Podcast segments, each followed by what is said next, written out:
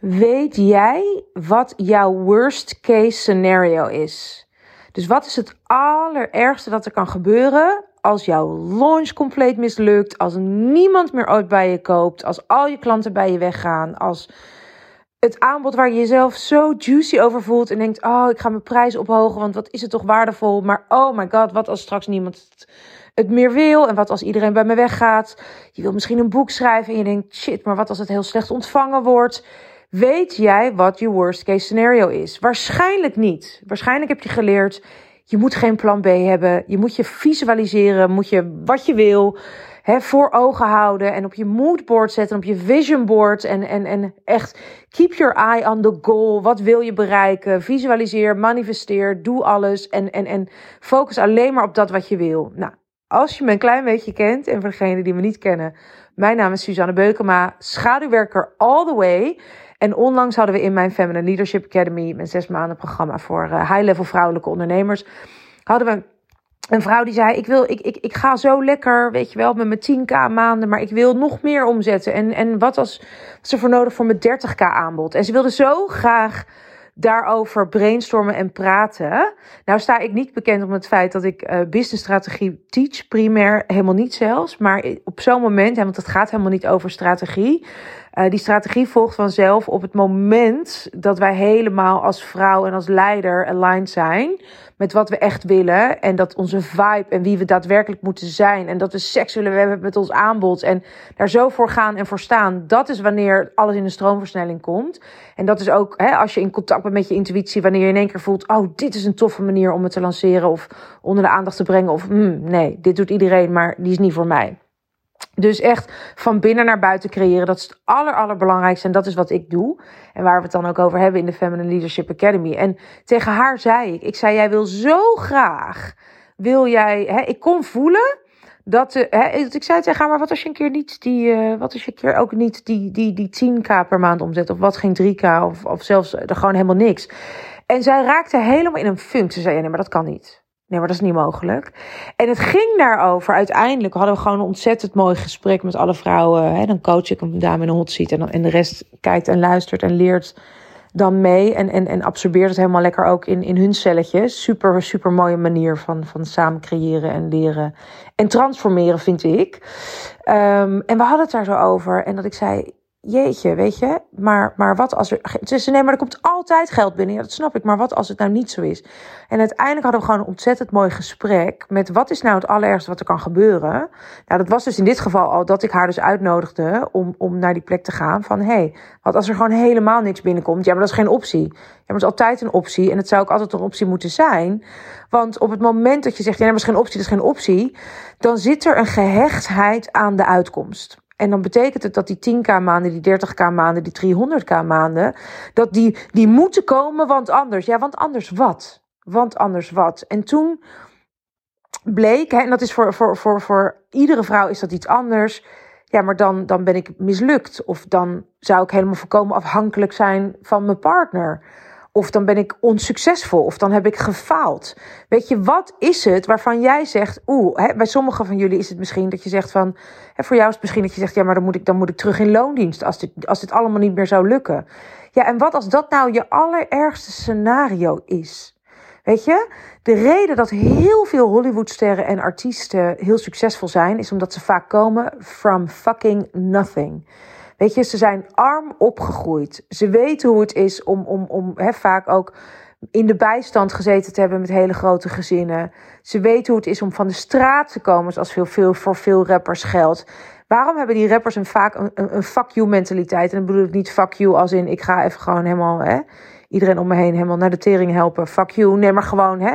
Ik ga ervoor. En, die hebben best wel vaak grote bek en, en, en zelfvertrouwen. Omdat ze weten hoe het is om van de straat te komen. En dat ze weten, ook als dat ooit weer zou gebeuren, I'm gonna fucking make it. Ik red het. Weet je, dat is ook de reden dat een opera heel veel heeft, heeft geprobeerd. Omdat ze weet hoe het is om vanuit die plek te komen waar er niets is. Weet je, er zijn hele succesvolle vrouwelijke ondernemers die, die, die komen, die doen multi, multimiljoenen doen, maar die hebben in hun auto geleefd. En dat is zo belangrijk om te weten wat jouw worst case scenario is. In mijn geval is het allerergste wat mij denk ik zou overkomen als ik gewoon heel reëel ben is dat als ik nieuwe dingen ga proberen. En ik zit nu zelf in mijn business ook weer in een hele grote transformatie.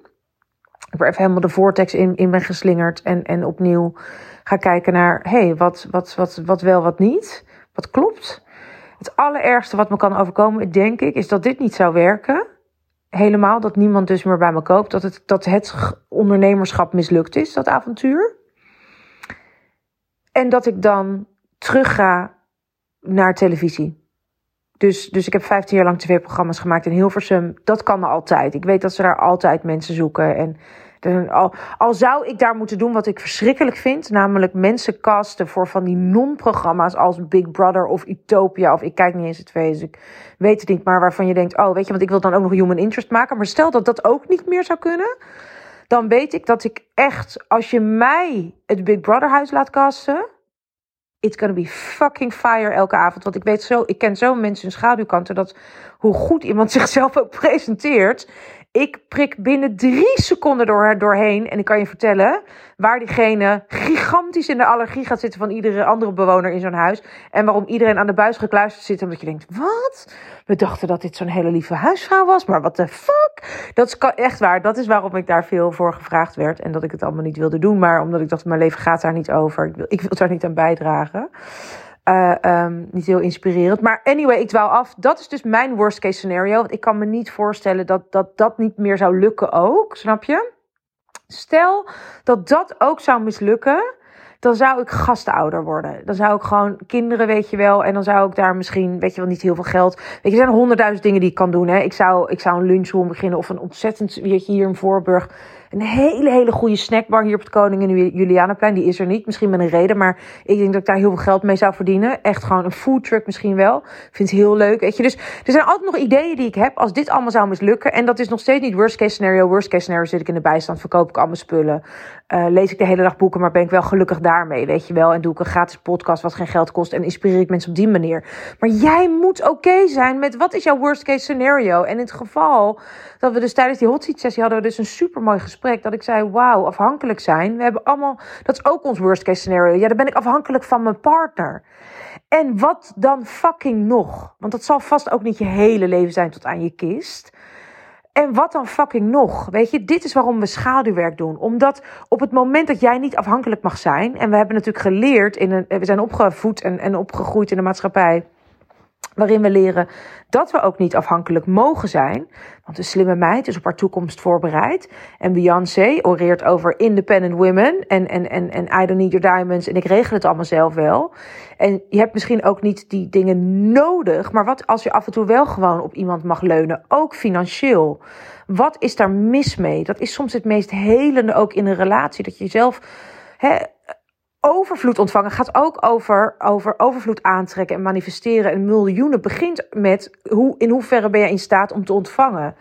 En in hoeverre ben je in staat om te ontvangen, heeft ook te maken met in hoeverre ben je oké met leunen, met needy zijn, met afhankelijk zijn. En we leren zo dat dat niet oké is. En dat we heel veel geld moeten omzetten om maar onafhankelijk te zijn.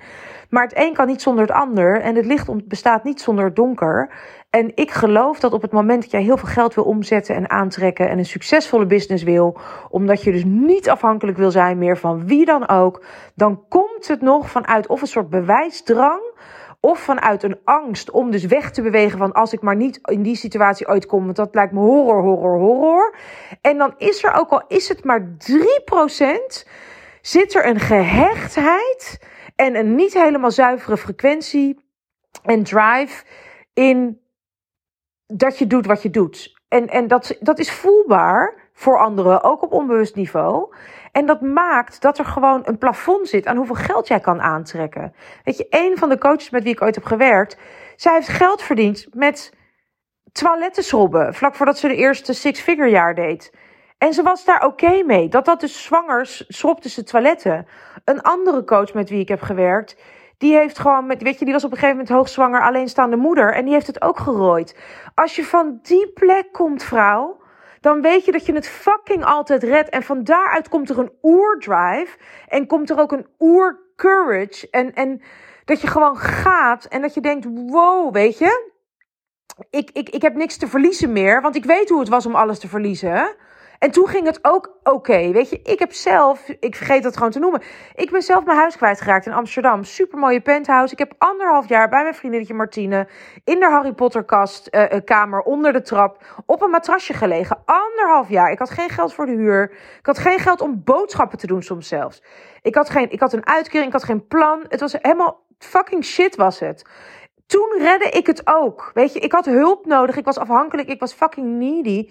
Maar toen redde ik het ook. En op het moment dat ik dat dus weet, als ik me dat weer realiseer, dan ben ik zo bereid om bold moves te zetten en te nemen in mijn, in mijn programma's. Om te zeggen, ook als de hele hatsa moet crushen en crumblen, als het allemaal fucking niet meer werkt, ik ben bereid om mijn hart te volgen, mijn juice te volgen, mijn joy te volgen, mijn guidance te volgen.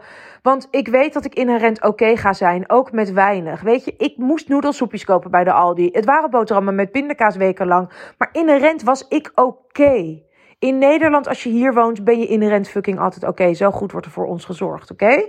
Dus wat is nou eigenlijk het allerergste wat je kan gebeuren? En dan is het vaak helemaal niet de bijstand. Omdat je denkt, nee, ja, maar als in dat geval inderdaad, dan ga ik wel oppassen. Of dan ga ik wel dit of dan ga ik wel dat. Dan verdien ik ook nog wel een paar duizend euro in de maand. Weet je, dat, er is vaak onderaan de streep niet zoveel aan de hand. En als je bereid bent om te accepteren dat je dus mogelijk tijdelijk afhankelijk bent van je partner omdat jij je droom nastreeft en meer investeert dan dat er binnenkomt. Van een systeem, zoals als de bijstand of, of, of, of een uitkering of wat dan ook.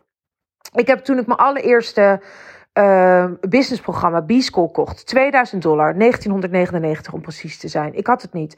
Ik heb een mail gestuurd naar mijn familie, mijn vrienden, of ze me alsjeblieft geld wilden lenen, al was het maar een tientje, of dat ze misschien wilden sponsoren. Ik had het geld in 24 uur uh, bij elkaar. Ik moest alleen mijn fucking trots, zodat ik needy was. Oh, het was afschuwelijk om die e-mail te sturen. Maar als ik dat toen niet had gedaan, had ik nu niet gestaan waar ik nu sta. Ja, mensen zien alleen maar de tonnen, de miljoenen inkomsten. Het is allemaal enig, het is allemaal enig. Maar dit is wat er ook voor nodig is. Dit is het niet zo sexy stuk.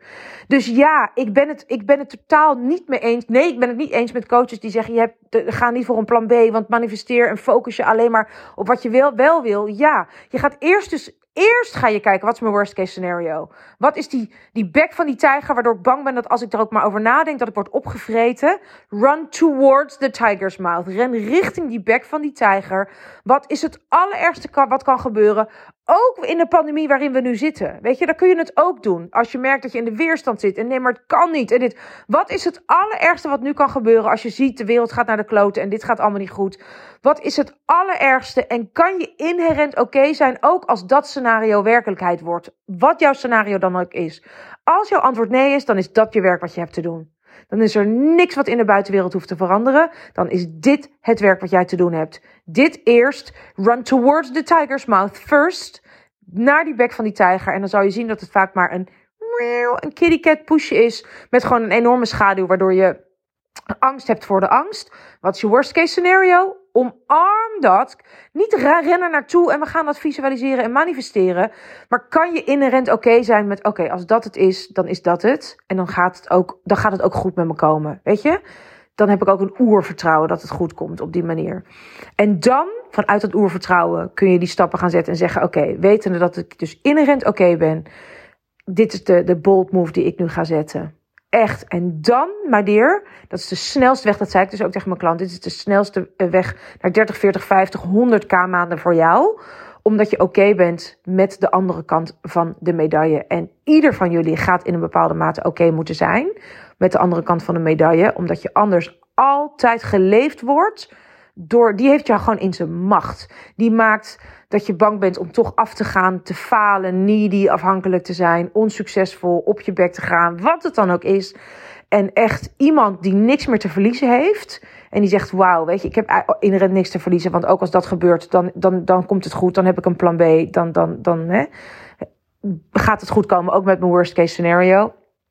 Iedereen die niets te verliezen heeft, we weten allemaal hoe sexy iemand is dan. En hoe magnetisch aantrekkelijk. Want dan voelen we allemaal, hè, als iemand dan iets aanbiedt en zegt: luister, ik heb niks te verliezen, maar dit is mijn aanbod. Dit is zo waanzinnig tof. Je bent gek als je het niet koopt koop je niet ook oké. En we voelen ook dan bij die ander, oh ja, shit, het is ook oké. Dat is wanneer we ja willen zeggen. Omdat we niet voelen dat diegene needy is en ons nodig heeft.